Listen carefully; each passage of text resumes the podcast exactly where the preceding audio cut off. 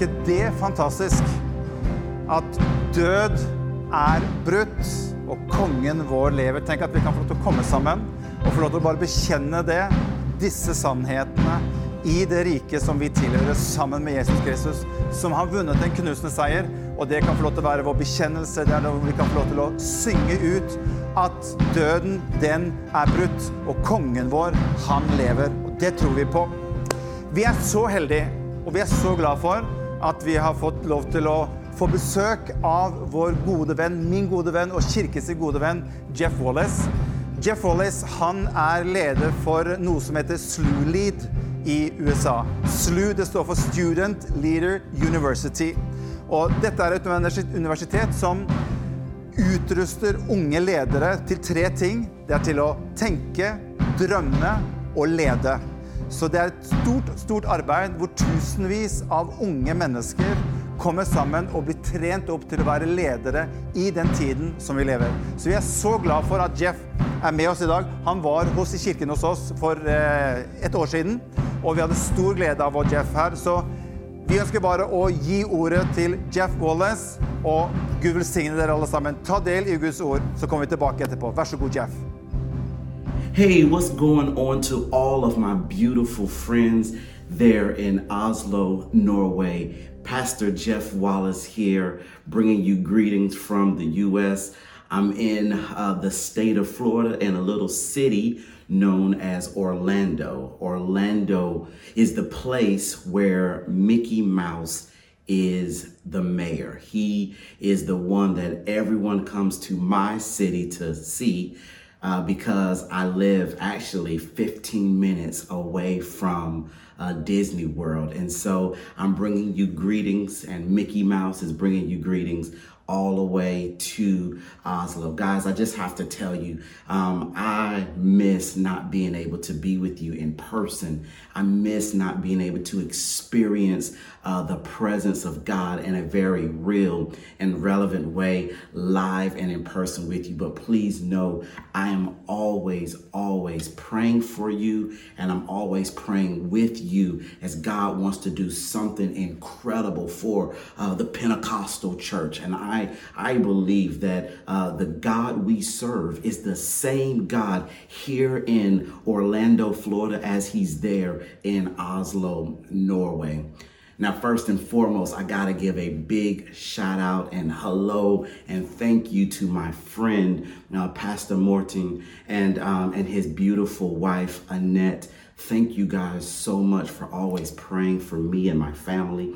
Thank you for always loving on me and my family. You guys um, are just near and dear to our hearts. And so I'm bringing you greetings, and I just want you to know uh, I love you guys so much. You are such a blessing and a gift to the entire body of Christ, not just there locally where you are, but all around the world. We're better people because we know you guys. Now, now, church, my job today is really just to share just a little bit from God's word to give us um, a little bit of encouragement um, a little information, uh, and prayerfully that there will be spiritual transformation that will take place uh, in these next few moments. Now, obviously, I know that uh, you guys are hearing it in the news and experience things uh, like we are here in the States with all of the, the social injustice that's taking place. And, and we're all battling this global pandemic known as coronavirus, which um, has just totally wrecking our world today. And many people are asking, where is God in all of this? Or, or how can we really serve God in the midst of this? And I just want to encourage you before I get into God's word today that the Lord your God, He is the same God today, yesterday, and forevermore. He is the God who loves, who restores, who heals, who delivers, who sets free. And even though this global pandemic, it caught us all off guard and none of us were prepared for it. Can I just tell you, church, that uh, in the sovereignty of God, this global pandemic did not catch him off guard. And I believe that even in the midst of all of the craziness that I know we are experiencing here in the States when it comes to social uh, injustice issues, we believe that God is still even in the midst of that and that he is going to take our misery and turn it into ministry and that the tests and trials that we're all going through that God is going to use that to be a testimony to really um, give us the tools we need to start a movement known as revival across the world. And so, just for a moment, what I want to do is just share out of God's word. Why? Because my opinion, church, it really doesn't matter. The only thing that really matters, the only thing that's sustainable, the only thing that's transferable, the only thing that is constantly relatable is God's word and God's word alone. And I, I, I want to just kind of talk around the theme of uh, the five truths of worship. Why? Because I believe that what is needed right now, regardless of what you're going through, regardless of what you're dealing with, it is a need of understanding the purpose and the plan of worship. When we understand uh, the whys of worship, why it's important to worship, uh, we under and then when we understand what worship is all about, then what will happen, church, is we will become more willing to participate um, in the the move of worship. And I believe that worship is the thing that is the great equalizer. When we worship God in spirit and in truth. It it heals hearts. It restores souls. It gives a peace that surpasses all understanding. So regardless of what's going on even in your own life, can I just encourage you before I even open up the Bible, can I encourage you to worship God with everything that you have, whether you are at home, whether you're in a building, whether you're in the street or a park or with your friends or all by yourself. You and I, we together must worship God. Why? Because that is how God really gets into the midst of our situation. He, he, the Bible says that He inhabits, meaning He gets right in the midst of our worship. He inhabits the praises of his people. So that means that when praises go up to God, blessings come down. And so we want to praise God and worship God in all that we uh, do and all that we're going through in our lives. And so, what I want to do is, I just want to look at the very end of uh, Psalms, Psalms 150. And I love as David has throughout all 149 Psalms up until this point talked about the importance of worshiping God, talked about the importance of understanding that God is our strength and our refuge in a time of trouble. Anybody feel some troubles or dealing with some troubles in your life? I know I have. And in the midst of that, I need to understand that God is my strength and my refuge when I'm going through uh, a lot of different things. And, and so here, as we get to the very end of Psalms, the last Psalm, Psalms um, 150, David, in essence, is just saying, now, after everything that I just shared with you, after everything I just impressed upon you and encouraged uh, you in, I need for you to praise God. He says, what, what's the action item? What do you do now? You praise God all that's going on in your life, what do you do? You praise Him. With all that you're dealing with, what do you do? You praise Him. With all that you're thinking about, what do you do? You praise Him. You have to praise God and worship God in spirit and in truth. And so, so I want to read Psalms uh, 150, and we want to walk through uh, what I'm entitling the five truths about worship. Five truths about worship. So, what does it say in Psalms 150? Uh, well, basically, uh, the title of, of this particular psalm is Praise the Lord. That's what we should do, church. We got to praise God with everything within us. And so here's what David says He says, Hallelujah. Praise God in his sanctuary. Praise him in his mighty expanse. Praise him for his powerful acts. Praise him for his abundant greatness. Uh, he says, Praise him with the trumpet blast. Praise him with the harp and the lyre. He says, praise him with tambourine and dance. Uh, he says, uh, praise him with uh, strings and flute. He says, praise him with resounding cymbals. He says, praise him with clashing cymbals. And this is my favorite part, church. This is this is where it becomes participatory for all of us, meaning all of us get in the midst of this. He says in verse number six, he says, Let everything that has breath praise the Lord. Not some things, but everything, all things need to praise the Lord. And, and here's what he's saying. He says, listen, regardless what you're dealing with, regardless of what you're going through, you must praise the Lord. Your purpose in life is to worship God. And so I want to really talk about the, the five truths of worship. Why? Because we were created to please God. We were created to worship God, and we need to understand the many facets of, or, or, the many attributes of worship and the many truths of worship. So here's what I need you to do before I get started. I'm going to give you five points, and in each point, I'm going to share uh, some some other points and some pastor scriptures. I want you to get something to write down because uh, you need to take some notes because we're going to dive, we're going to dive into God's word today. And I'm so, so excited to be with you guys here, even though it is virtually through a screen. But I'm excited that we walk through these five truths. So, are you ready? I am. I hope you are. Here we go. So, what are the five truths about worship? Number one, number one, our purpose is worship. Our purpose, our purpose is worship. Um, Romans uh, 11 and 36 says, For far from him and through him and to him are all things. Let me say this again. For uh, far from him and through him and to him are all things. To him be glory forever. Amen. And so, what is uh, Paul telling us right here? Paul is telling us right here that we are created for worship. And so so we understand that our purpose is in worship is understanding that we're created we're created for worship. I want you to write that down. We are created for worship. Uh, he says paul says in romans uh, 12 and 1 on the first part of that in the beginning of verse number 1 he says i appeal to you therefore brothers he says, I'm appealing to you to help you understand that you and I, we were created for worship.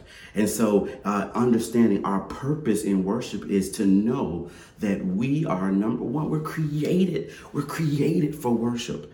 But not only are we we created for worship, but there is a cause for worship. So we are created for worship, but then there is a call for worship. Uh, he says also in Romans 12 and 1, he says, um, by the mercies of God, he says, offer your body as a living sacrifice, holy and pleasing and acceptable to God.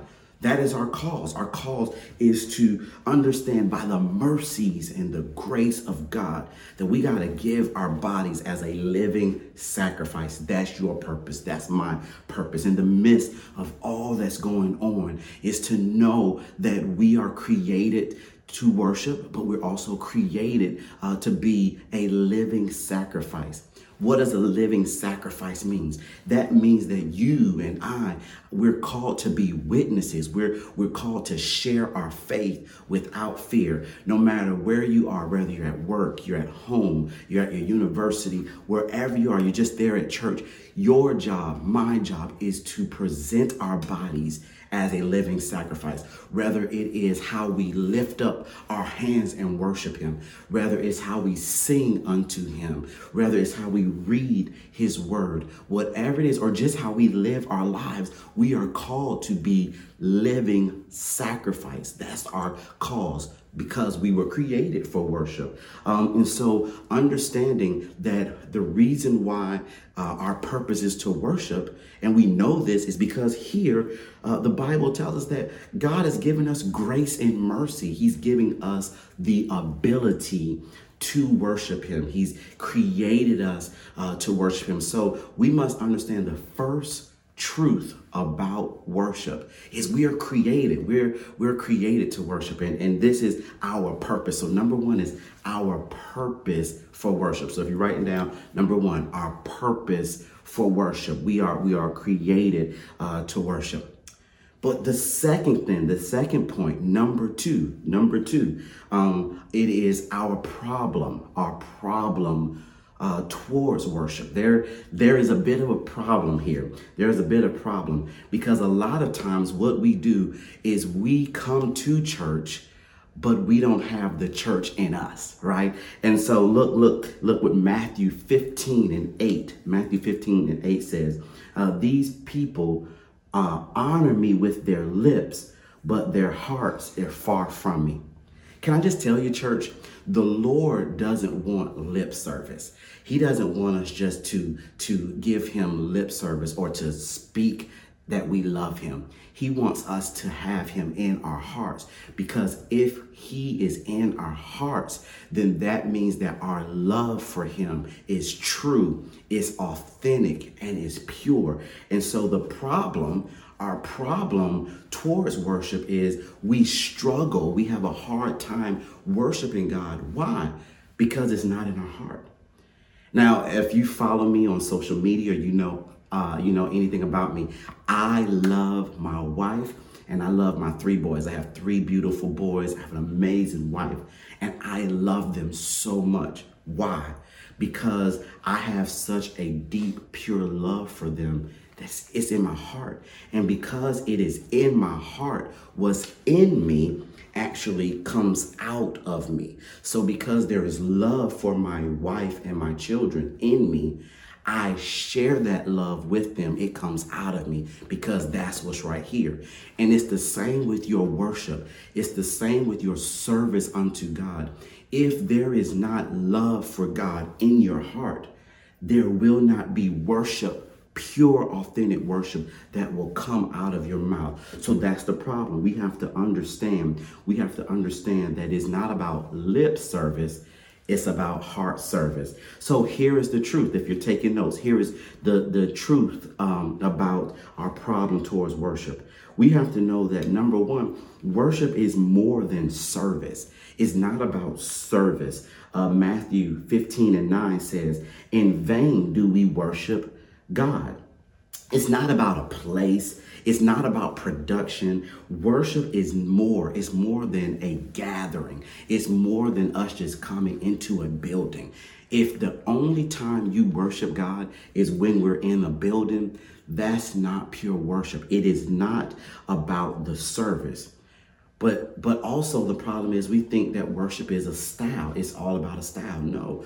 Worship is more, is more than just a style. So maybe your style is to, to raise your hand. Maybe your style is to jump up and down. Maybe your style is just to be calm and to close your eyes and to meditate. Whatever your style is, it's okay as long as it's coming from your heart. And so we have to understand that it's not about preference or, or rather it is profitable to others. It is about understanding that our worship needs to be beyond our lip service and it needs to move to heart service. Because I want you to understand, church, that's what's in you is going to come out of you. I give my tithes and my offering to the church. Why? Because that's what's that's what's in me. That's in my heart. I serve God and His people without any reservation or without any um, uh, any thoughts. Why? Because that's what's in me. When it's in you, it's going to come out of you. So here uh, we need to understand that it can't be about lip service it has to be about heart service. So, so number one, just recap, make sure everybody is following along.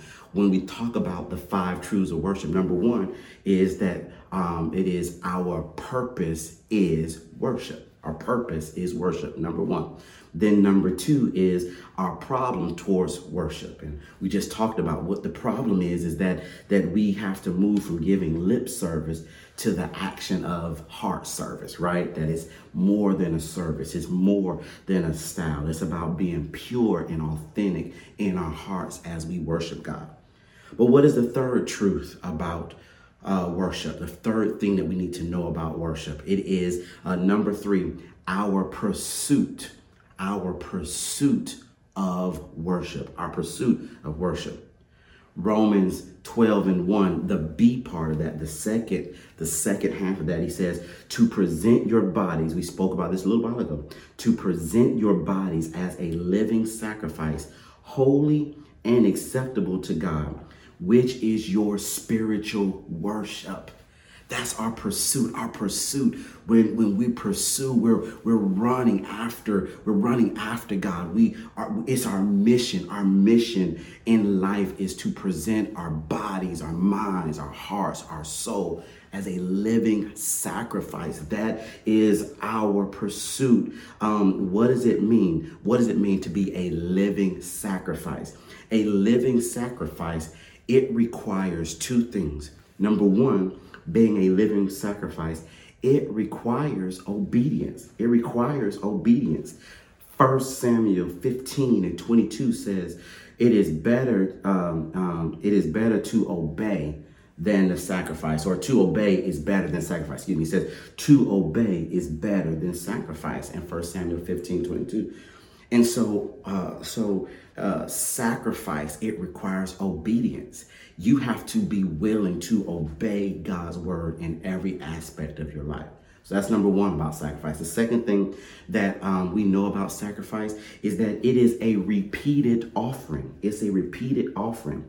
Second Samuel 24 and 24 says, I will not offer burnt offerings to the Lord my God that cost me nothing.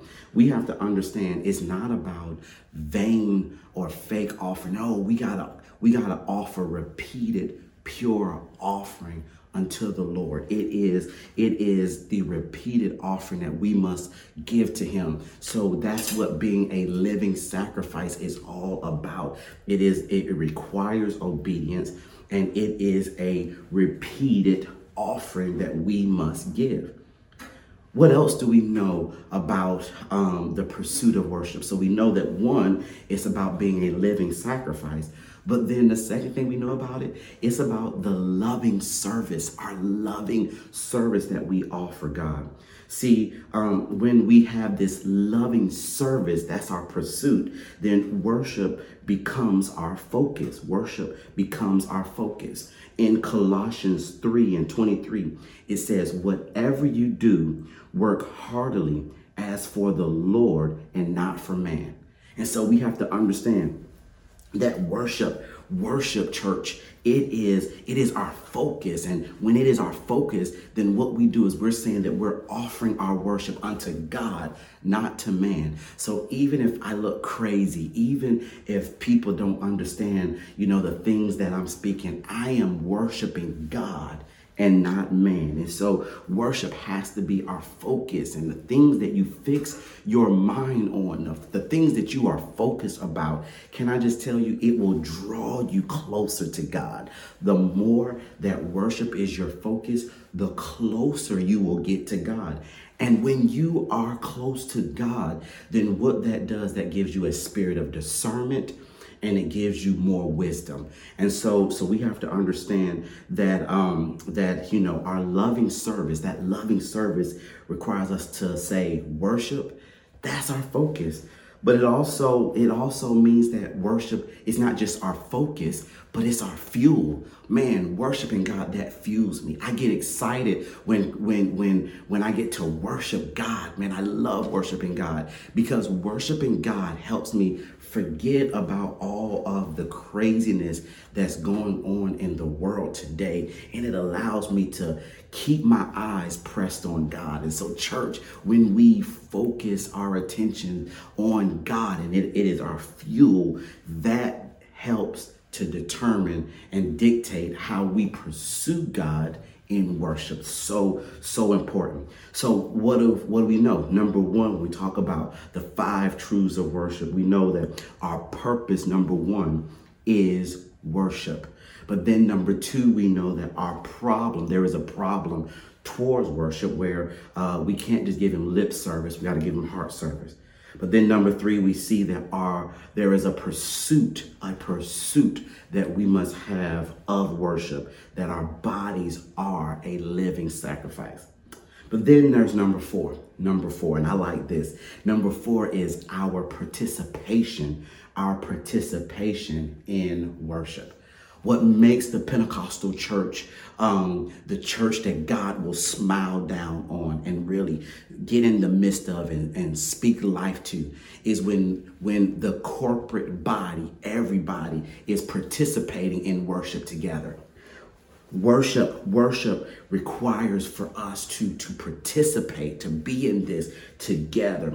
Um, I love what Psalms Psalms 115 and 1 says, um, not to us, O Lord, not to us, but to your name uh, give glory. We give glory to your name. It's not about us, but we're participating in worship that glorifies and honors and bless your name, oh God. And so, so what does the participation of worship looks like?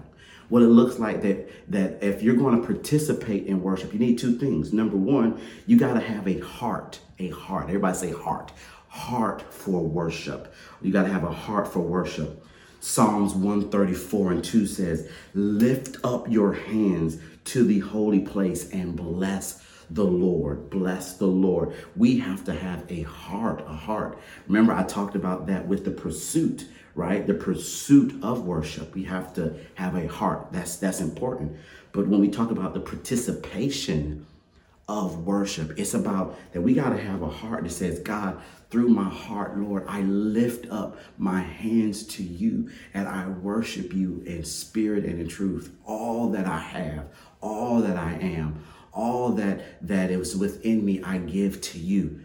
I participate in worship. That's what it looks like. And then if I participate in worship and you participate in worship and, and Pastor Morton, he's participating in worship and Annette, Miss Annette, she's participating in worship. And when we all participate in worship together, guess what? The heavens open up and the angels the angels rejoice why because we are all participating um, in worship what do we know about the heart of worship um, it is an individual engagement, but it's also an individual expression. So all of us, we worship God differently, but all of us should worship God together. Let me say that again. We all, we all worship God differently, but we all should worship God together.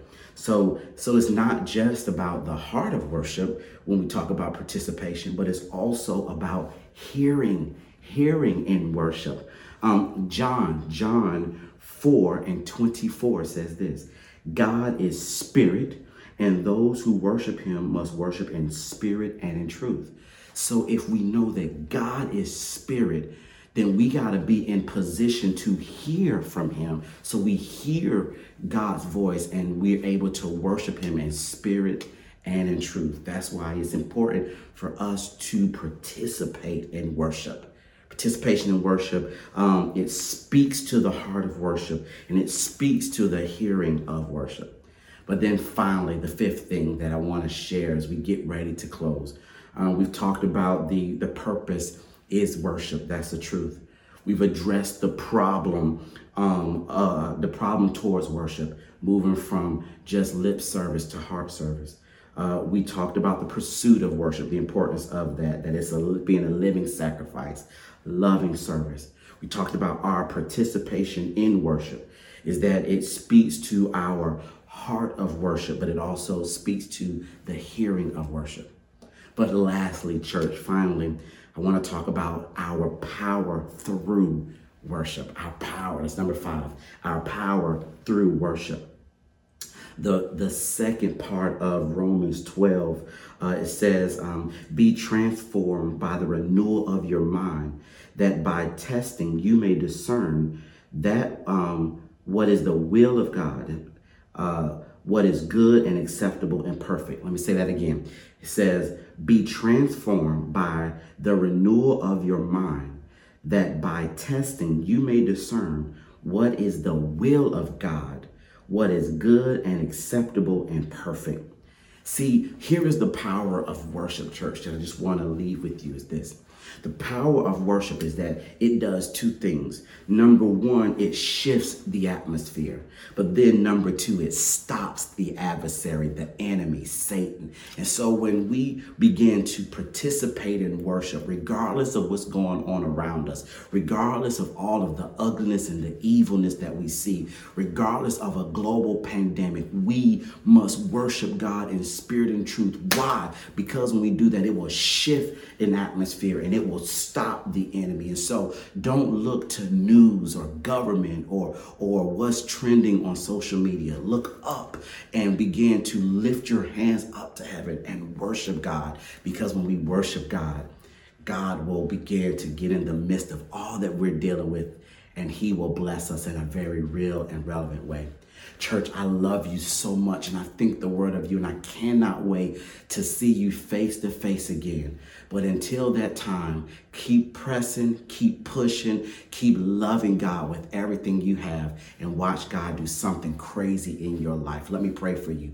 God, I thank you for this beautiful church. I thank you for your people, your sons, your daughters, and I thank you for the great leadership that is here. And I just pray right now that something was said that will speak to the hearts and the lives of your people. God, I consider them family and I love them so much, but even on my best day, I cannot love them the way you do. So speak life to them, encourage them, and God, most importantly, let them worship you with everything they have in spirit and in truth. In Jesus' name we pray. Amen. Amen. God bless you, church. That's my time. I cannot wait to see you again. Until that, until the next time, God bless you.